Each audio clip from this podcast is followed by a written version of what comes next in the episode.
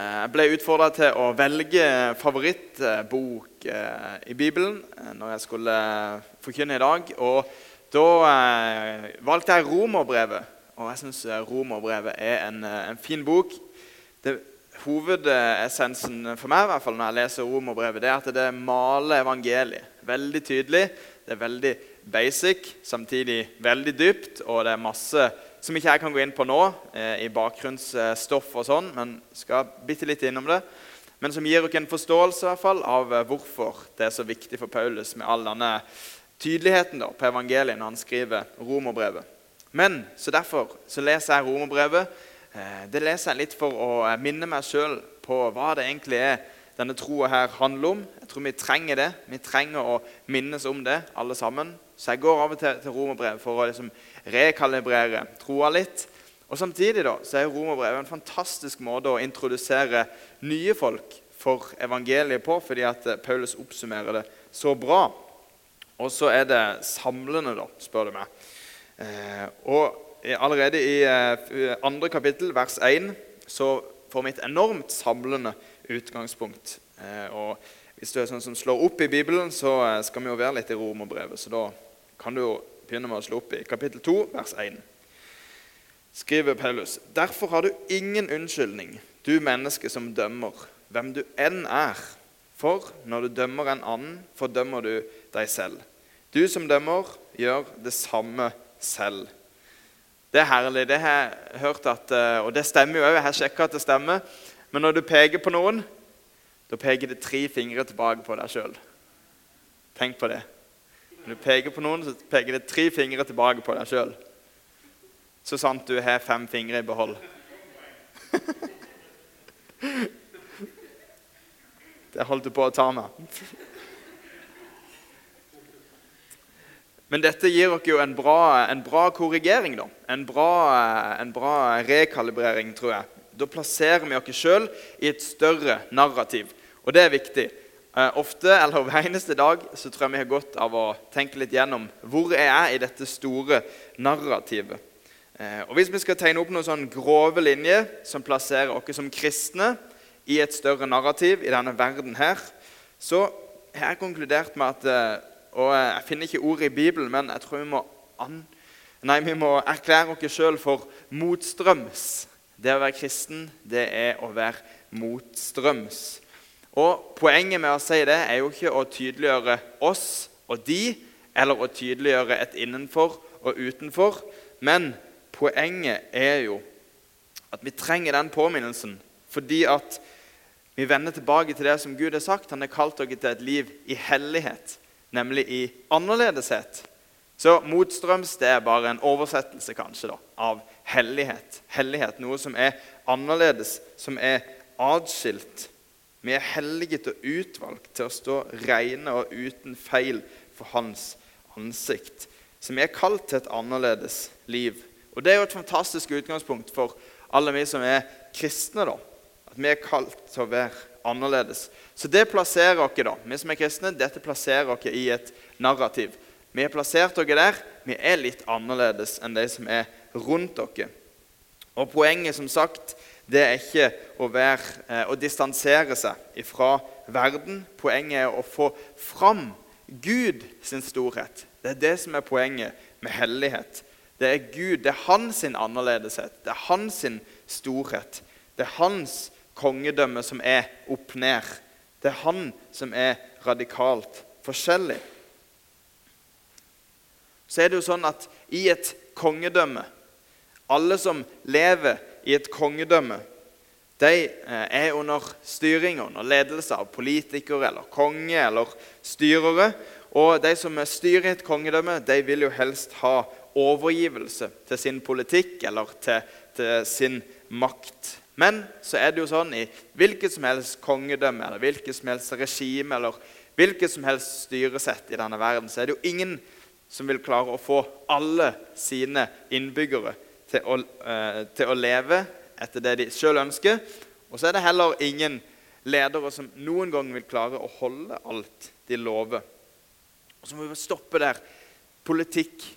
Jeg har funnet ut av det, jeg har hørt dette her, at unge i dag er skeptiske til autoriteter og skeptisk til institusjoner. Og Det er kanskje ikke så rart da, når du kan gå fem år på et studie. Du kan studere til en master, og du kan bli en eh, slave under Lånekassen. Og så kommer du ut av det, og så er du ikke garantert jobb engang. Snakk med folk som utdanner seg i dag. Fem år gir du hele livet ditt for dette her, og så er du ikke garantert jobb engang. Så det er ikke rart at uh, unge i dag er litt skeptiske til autoriteter. Men Guds autoritet er annerledes. Guds rike, tanken, er annerledes. Og Derfor er òg vi som er kristne, annerledes. Du som inviteres til å bo i dette riket her, du er kalt til å være annerledes. Dette er de kristne sitt felles utgangspunkt. Jeg har lyst til å utfordre deg til å tenke litt over det. Hva betyr egentlig det at du lever i et rike der Gud har all autoritet, og Gud er din næreste venn? Du er nærmest, så nærme du kan komme på Han som er herskeren i dette riket. Og dette jobber inni meg. Dette har jeg tenkt mye på i det siste. at det, det er ganske eh, det skal en del frimodighet til da, å hevde at Gud er øverste autoritet i universet vårt. Men det er jo tilfellet. Det er det vi tror på, at Gud er skaper, og han er den som holder oppe universet. Og Hvis vi går dypt nok inn i den tanken der, og samtidig klarer å finne oss sjøl som en av Jesus sine nærmeste, så er det vanvittig stort. da. Du får leve helt tett på den øverste i riket. Det er det ikke mange andre innbyggere i hvilket som helst rike i denne verden som kan sammenligne seg med. Og I den eh, forlengelsen av det så har jeg lyst til å trekke fram et eh, vers som jeg synes er utrolig fint. Eller to vers fra Efeserbrevet, kapittel 1, vers 4. Tre vers er det. I Kristus utvalgte han oss før verdens grunnvoll ble lagt, til å stå for Hans ansikt, hellige og uten feil. I kjærlighet og etter sin egen gode vilje avgjorde han på forhånd at vi skulle få rett til å være hans barn ved Jesus Kristus, til lov og pris for hans herlighet og nåde. Altså har Gud utvalgt dere til å stå foran hans ansikt og prise han. Det er det som ligger i vår natur. Vi er skapt, Gud har skapt dere som tilbedende vesen. Og Så skal jeg komme inn på det nå straks, hva det vil si for noe. Men, men Gud har skapt dere til å stå foran han. Ikke til å være i et venterom på sida, ikke til å komme inn med, med bøyd nakke. Ikke til å ikke kunne være i hans fellesskap, men til å faktisk være tett på han, innenfor hans ansikt, og til behag for han. Gud har skapt dere sånn at vi skal være til behag for Han. Og Så er det litt sånn inn på romerbrevet igjen. da. For menigheten i Roma de var litt uenige om hvordan akkurat dette her skulle se ut i praksis. De var uenige om hvordan man skulle følge Jesus. Og Paulus han skriver til en menighet i Roma som er blanda av hedninger, altså de som ikke var jøder før de ble kristne, hedninger, og eh, jødekristne, de som var jøder før de ble kristne. Det er liksom de to store gruppene da, i menigheten i Roma.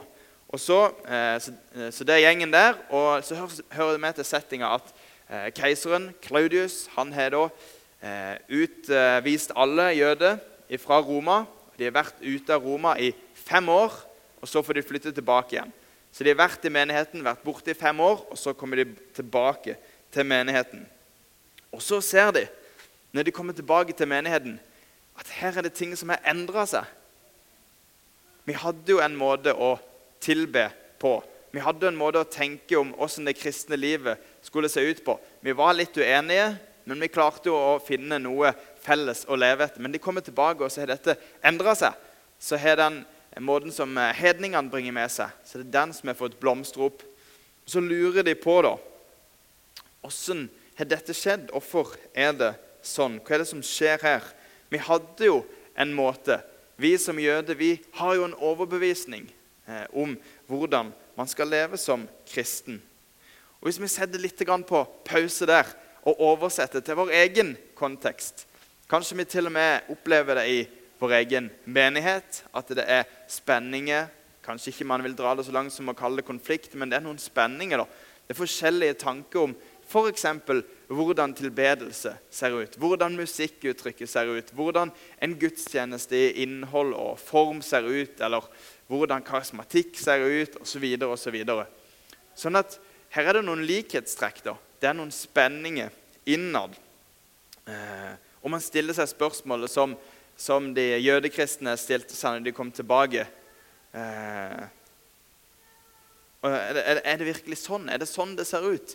Vi, vi forstår ikke det. Er ikke, det er ikke vår måte å tilbe Gud på. Så her er det altså en eh, endring som er skjedd, og de jødekristne kommer tilbake, og de er litt eh, frustrerte.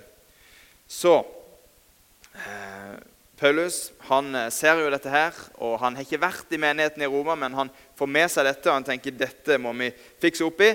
Så hans store agenda med å skrive romerbrevet, det er jo å skape enhet. Han vil forene de her to ytterpunktene. Eh, og så starter han jo da brevet så tydelig med, sånn som jeg leste fra kapittel 2, eh, at vi alle like feilende. Vi bommer like mye på målet, alle sammen. Så det, Der starter Paulus når han skal skape enhet. Og i, eh, i gresk tankemåte, som, eh, som de eh, hebraisk, nei, som de eh, hedningene kom ifra, så var det tanken som var viktig. Litt sånn som vi sier i dag, kanskje det er tanken som teller. Det er bare tøys. Eh, det hadde ikke skjedd mye hvis det bare var tanken som telte. Men det var liksom eh, gresk filosofi. Tanken er det viktigste, og kanskje tanken kan lede til handling, og det er bra.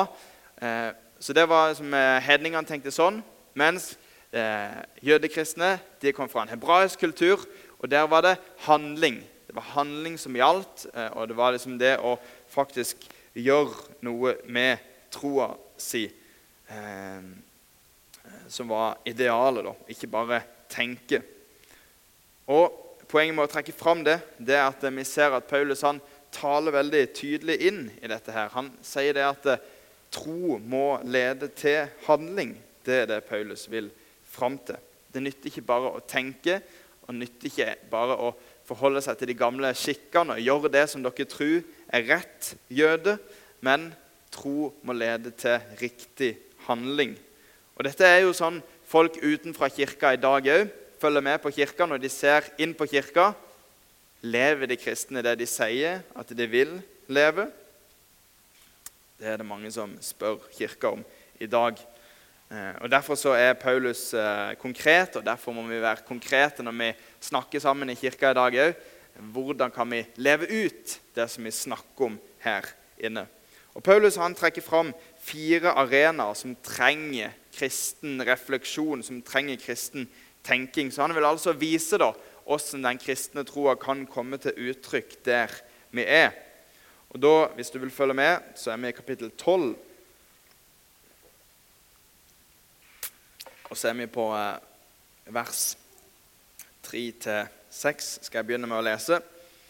Hver og en skal holde seg til det mål av tro som Gud har gitt ham. Vi har én kropp, men mange lemmer, alle med ulike oppgaver. På samme måte er vi alle én kropp i Kristus, men hver for oss er vi hverandres lemmer. Vi har forskjellige nådegaver, alt etter den gave Gud har gitt oss. Så nummer én det som, som, kan være en kort oppsummering av eh, de versene her, det er hvordan forholder vi oss til fellesskapet. Og ikke på en sånn måte eh, som sier som i en at du ikke skal tro du er noe i dette fellesskapet her. Men faktisk at du skal tro at du er noe. Du skal tro at du er Guds barn. Du skal holde deg til et mål av tro som Gud har gitt deg. Mål av tro, altså hvilken status, hvilken verdi er det som settes på deg i det eh, samfunnet, det fellesskapet som du lever i? Jo, målet av hvem jeg er, mitt mål av tro, min verdi, det er at jeg er et barn som er elska og villa. Og så er jeg dessverre satt opp til å feile. Det er realiteten. Jeg er ikke sterk nok til å bære meg sjøl. Det er veldig sentralt i troa til Frikirka. Vi er ikke sterke nok til å bære oss sjøl. Det er derfor vi har barnedåpen. fordi at eh, barnet kan ikke velge sjøl. Det kan ikke bære seg sjøl fram til dåp. Derfor trenger det å bli båret av noe som er sterkere Så blir man døpt til det som et lite barn, eller eh, seinere i livet hvis ikke man ble det. Og så er det et vitnesbyrd om at jeg trenger å bli båret gjennom livet. Så dette er et mål på min tro som er gitt meg. Og dette skal være en frigjørende tanke for oss. Så målet eh, på troa, kvalitetsstempelet på vår tro som Gud har gitt dere, det er at vi er avhengig av hverandre. Så vi trenger altså fellesskapet. Og så er vi på kapittel 13, vers 1-7. Og Der skriver Paulus eh, kort om hvordan vi skal forholde oss til politikken, egentlig. Den delen av samfunnet. Og han skriver Enhver skal være lydig mot de myndigheter han har over seg. For det finnes ingen myndighet som ikke er fra Gud, og de som finnes, er innsatt av Gud. Den som setter seg opp mot dem, står derfor imot det Gud har bestemt. Og de som gjør det, skal få sin dom. Så altså det Paulus vil ha fram her, det er at eh, gjennom, eller Han har lært dere tidligere at eh, vi kan tro på at Gud gjør ikke feil. Han gjør alltid det riktige. Gud sitt offer, f.eks., av sin sønn, så jo i, eh, for samfunnet og liksom Jesus sine etterfølgere på den tida så jo helt feil ut. Det så ut som at Gud, hva gjør du nå? Du har ikke kontroll. Vi venter på en eh, Messias, og vi har hørt at Jesus er Messias. Men han ligner jo ikke på en Messias i det hele tatt. Gud, du kan umulig ha kontroll. Og så ser de, så går vi gjennom hele historien, og så ser vi at jo da, han hadde kontroll. Men det så håpløst ut. Det så ut som Gud hadde gjort en tabbe. Gud har gjort det mange ganger gjennom historien. Han har tatt folk gjennom usikre tider mange ganger. Tider med desperasjon, med skuffelse, med spørsmål og mismot. Der de har trodd at de skulle få noe helt annet enn det de fikk. Og Hva om dette her kunne være et forbilde på hvordan vi ser på politikken som råder i samfunnet vårt? Kanskje ikke vi til enhver tid er enige med de som styrer, med det som er det, det ideologien som er på frammarsj, og de store eh, bevegelsene i samfunnet. Kanskje ikke vi alltid er enige. Men i det store bildet, i, det, e, i evighetsperspektivet, så er jo den politikken noe vi er under. Bare en veldig kort del av livet. Politikken i vårt samfunn er jo bare en midlertidig løsning, egentlig. I evigheten så er det én en eneste person. Det er Gud. Det er skaperen og opprettholderen av dette universet. Det er han som skal regjere. En styresmakt som er innsatt av Gud, er bedre enn ingen styresmakt. Hvis vi klarer å leve under det, da klarer vi å leve opp til dette idealet som Paulus prøver å tegne opp. Eh, og eh, Paulus han vet hva han snakker om når, eh, når vi sitter her og tenker inn i vårt hode nå at ja, men Paulus skulle visst hvordan det så ut i vår politikk. Det er så, det er så dårlig, og det er så uenig.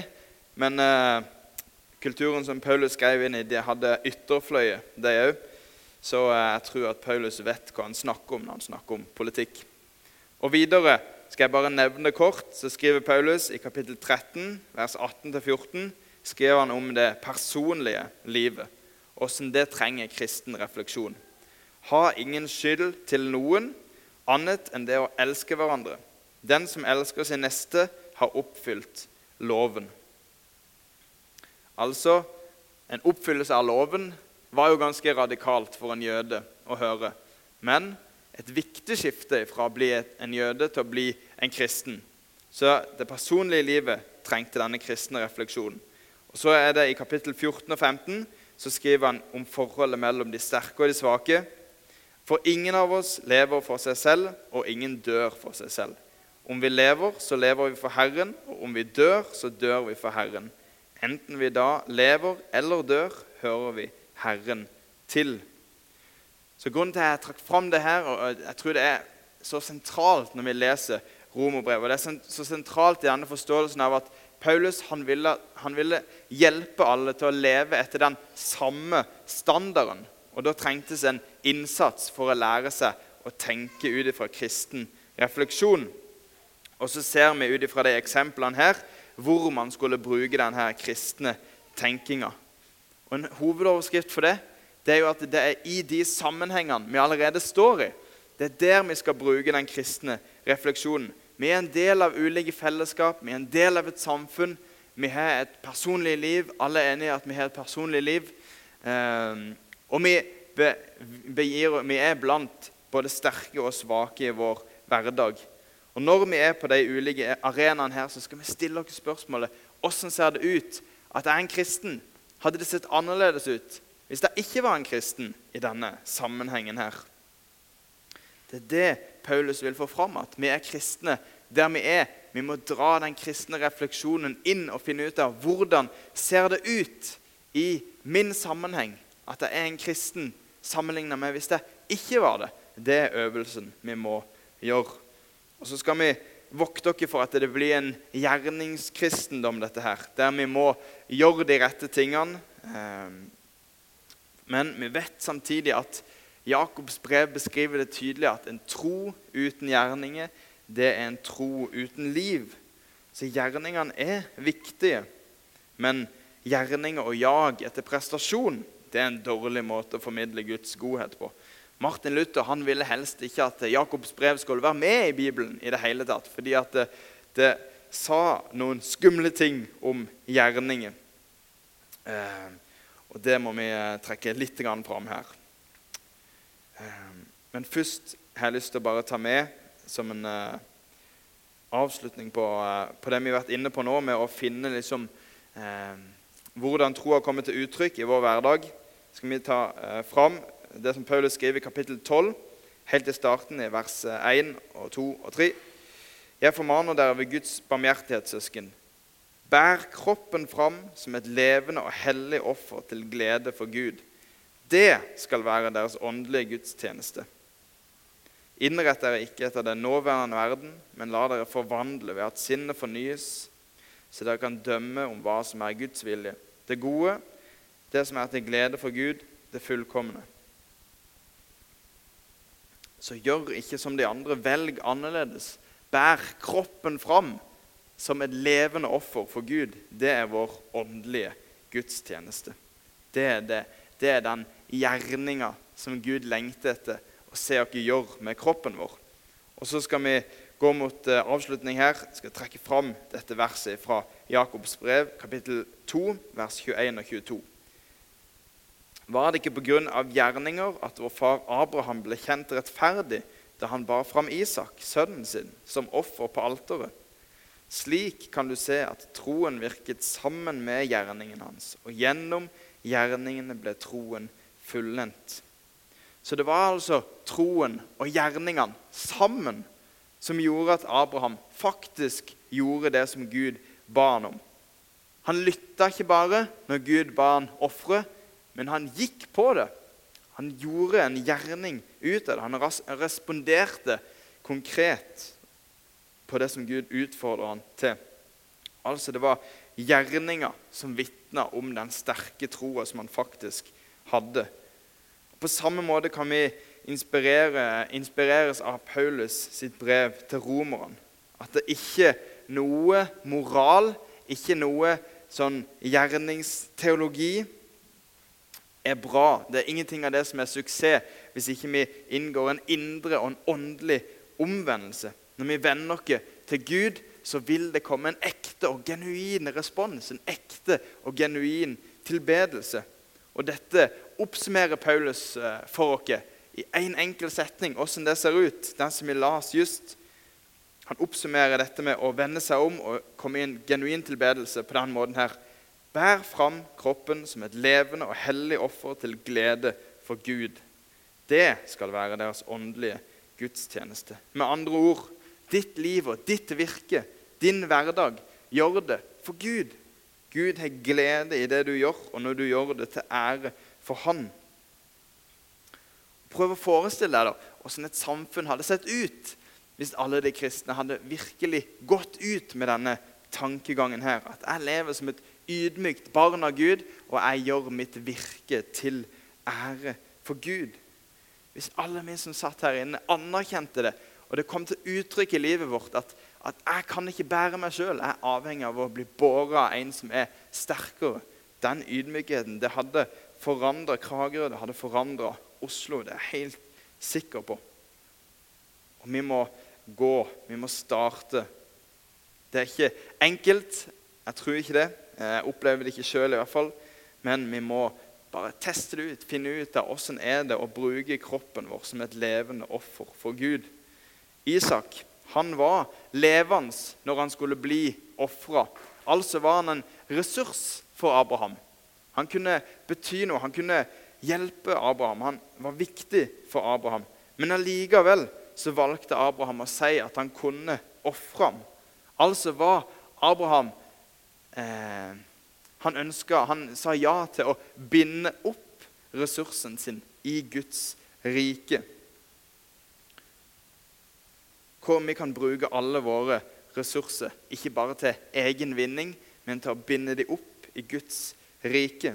Abraham kunne beholdt Isak, men i stedet for så valgte han å si til Gud jeg gir det til deg. Og Åssen ser det ut i mitt og ditt liv at ikke vi bare tar alt sjøl, men at vi gir det til Gud og sier, 'Gud, åssen kan du bruke dette til din ære?' Åssen kan du bruke dette til at ditt rike skal bli større?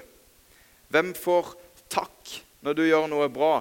Hvem får æren for skaperverket? Hvem får eh, Hva gjør du i motgang? Hvordan responderer du når du opplever å, eh, å stå i løgn og bedrag? Tenker du på dine egne behov først? At 'jeg er blitt lurt, jeg må hevne dette'? Eller tenker du at eh, det, det, gir jeg til Gud?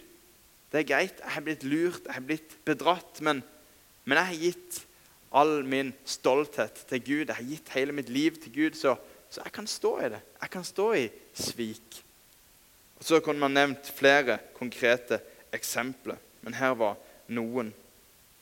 Så for å avslutte og for å avrunde helt til slutt Vi skal få lov til å ta imot alt dette. Vi skal få lov til å ta imot frelsen. Vi skal ta imot denne rettferdiggjørelsen. Som betyr at vi får en ny status, vi får en ny familie, vi får en ny framtid. Og ut ifra dette, ut ifra å respondere på det, så kommer helliggjørelsen. Som betyr at det blir frukt, altså. Fruktene skal svare til omvendelsen, leser vi. Men frelsen kommer først. Altså, det er frelsen som leder til gjerninger, ikke gjerningene som leder til frelse. Og det syns jeg er en viktig avslutning. Det er frelsen som leder til gjerninger, ikke gjerningene som leder til frelse. Så la oss sammen, da, når vi er et fellesskap som dette, vende om, snu oss til Gud og komme inn for Han i, i genuin tilbedelse. Uansett hvordan det ser ut for deg. Eh, og så lar vi det romme mer enn bare denne gudstjenesten her, men vi finner ut av hvordan ser det ut i min hverdag. Og helt til slutt utfordrer jeg dere alle sammen til å tørre å binde opp sine ressurser i Guds rike. På samme måte som Abraham sikkert bandt Isak fram på bålet og skulle ofre han, så kan vi få lov til å binde opp våre ressurser i Guds rike. Gi det til Gud. Sånn har jeg lyst til å oppsummere romerbrevet. Kjære far, takk for at vi kan få lov til å eh, komme til deg med alle våre ressurser. Og så ser du at eh, vi så ofte har lyst til å bruke dem på, eh, på oss sjøl, på vår egen vinning og vår egen nytelse. Be om at du hjelper oss til å, til å gå i ydmykhet. Til å bare ja, ta inn over oss hva det vil si at vi ikke klarer å bære oss sjøl.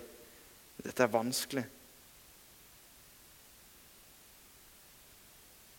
Hjelp oss, kjære far, til å, til å se hvordan det ser ut i våre, hver enkelt sitt liv.